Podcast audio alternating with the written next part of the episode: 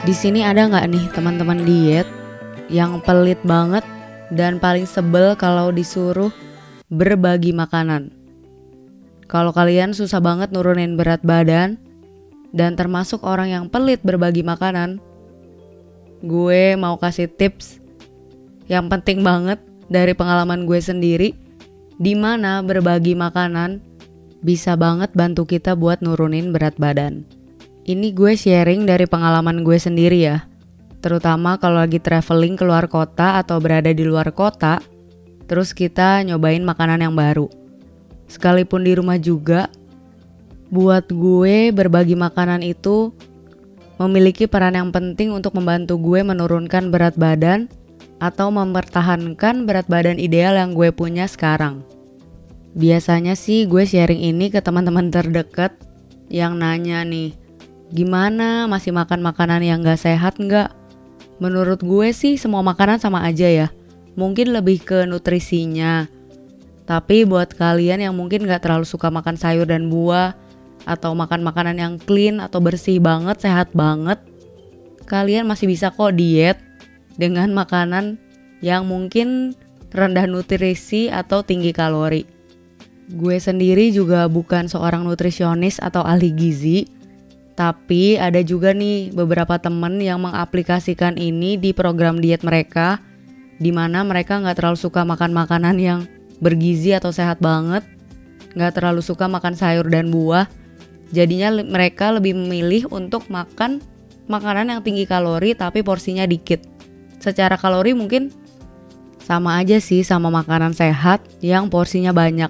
Jadi kalau dibikin perbandingan, makanan yang tinggi kalori misalnya martabak nih satu potong bisa mungkin 200 sampai 300 kalori.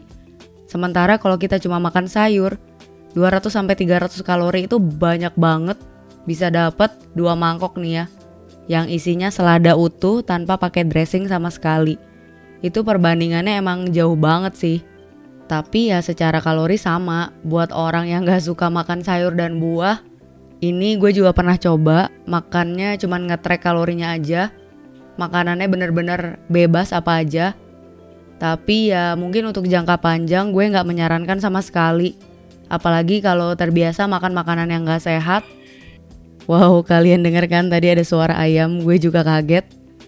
Baiklah, kita lanjut aja ya. Nah, jadi kalau misalnya kalian udah terbiasa makan makanan yang tinggi kalori tapi porsinya dikit, kan rasanya pasti tuh enak banget ya, lebih kayak gurih, lebih manis dari biasanya tapi ya bisa dibilang nggak sehat dibandingin kalian misalnya makan selada atau makan sayur-sayuran, salad, gado-gado, tapi bisa dapat porsi yang banyak, tentu beda sih.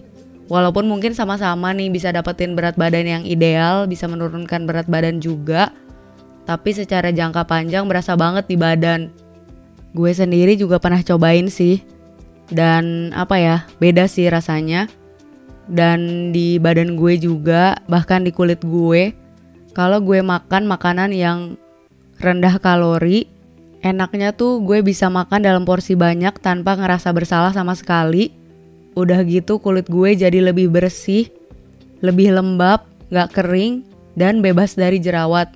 Ini beneran dari pengalaman gue sendiri.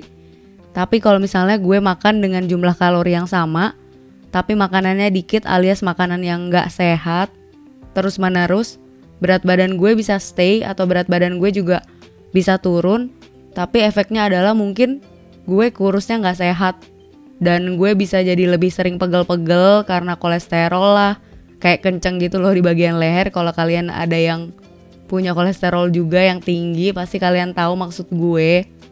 Terus juga lebih gampang bloated kembung gitu perutnya nggak enak. Jadi ya sebenarnya untuk jangka panjang makanan yang rendah kalori atau makanan yang sehat itu menurut gue lebih baik sih. Dan segala sesuatunya yang berlebihan gue percaya sih gak ada yang baik. Jadi kalau misalnya mau hidup normal dan bahagia tentunya seimbang. Jangan terlalu strict juga sama badan.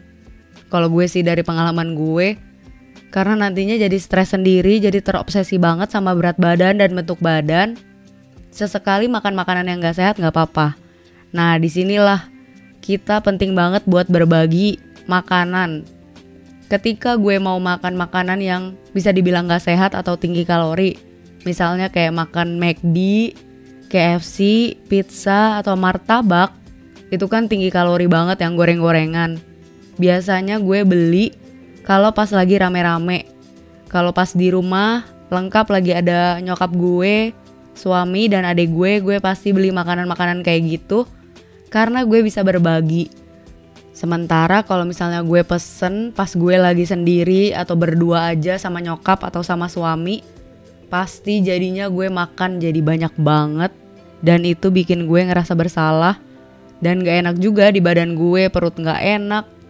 Ya rasa enaknya tuh di lidah doang sesaat aja menurut gue. Setelahnya sih buat jangka panjangnya gak oke okay ya. Makanya di sini menurut gue berbagi makanan itu penting banget.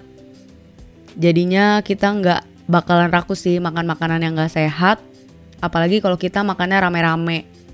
Kalau misalnya sekeluarga udah terbiasa makan makanan yang nggak sehat mungkin bisa dikurangin juga sih porsinya. Kalau biasa satu rumah berlima biasa pesan dua loyang pizza. Mungkin bisa pesan cuma satu loyang pizza aja terus sisanya bisa ditambahin makan salad atau yang lain menurut gue sih ini penting banget jadi kita harus terus berbagi makanan, jangan sampai rakus atau serakah makan satu porsi makanan yang bikin kita ngerasa nggak enak, perut kita nggak enak, ngerasa kita jadi nggak sehat. Itu dari pengalaman gue sih, dan juga dari pengalaman almarhum bokap gue. Nah terakhir nih, kalau lagi makan makanan yang nggak sehat, misalnya makan martabak juga, gorengan, nih salah satu dan salah dua makanan yang gue suka banget tinggi kalori dan bisa dibilang gak sehat, kalian juga harus mungkin mikir kali ya, makanan yang gak sehat itu bakal bisa kalian makan lagi besok-besoknya. Jangan sampai mikir kalau ini adalah momen terakhir dalam hidup kalian untuk makan makanan itu. Karena ya itulah yang bikin kalian jadi lebih rakus. Dari pengalaman gue gitu sih. Jadi kalau misalnya kita ngelihat makanan kayak there's no tomorrow, nggak ada besok gitu itu bawaannya pasti pengen makan lebih banyak daripada biasanya. Dan itu yang selalu gue hindari. Jadi kalau lagi misalnya suka banget gue makan bakmi kayak di Jambi gini, gue pengen makan satu porsi padahal gue cuman setengah porsi aja kuatnya sekarang gue pasti mikir oh besok-besok masih bisa makan lagi kok gak usah rakus gitu inget badannya kasihan perutnya gitu jadi mungkin bisa kalian coba juga nih teman-teman diet berbagi makanan, terutama makanan yang kurang sehat, yang tinggi kalori. Karena dengan begitu kita bisa tetap menurunkan berat badan, tetap bisa sehat.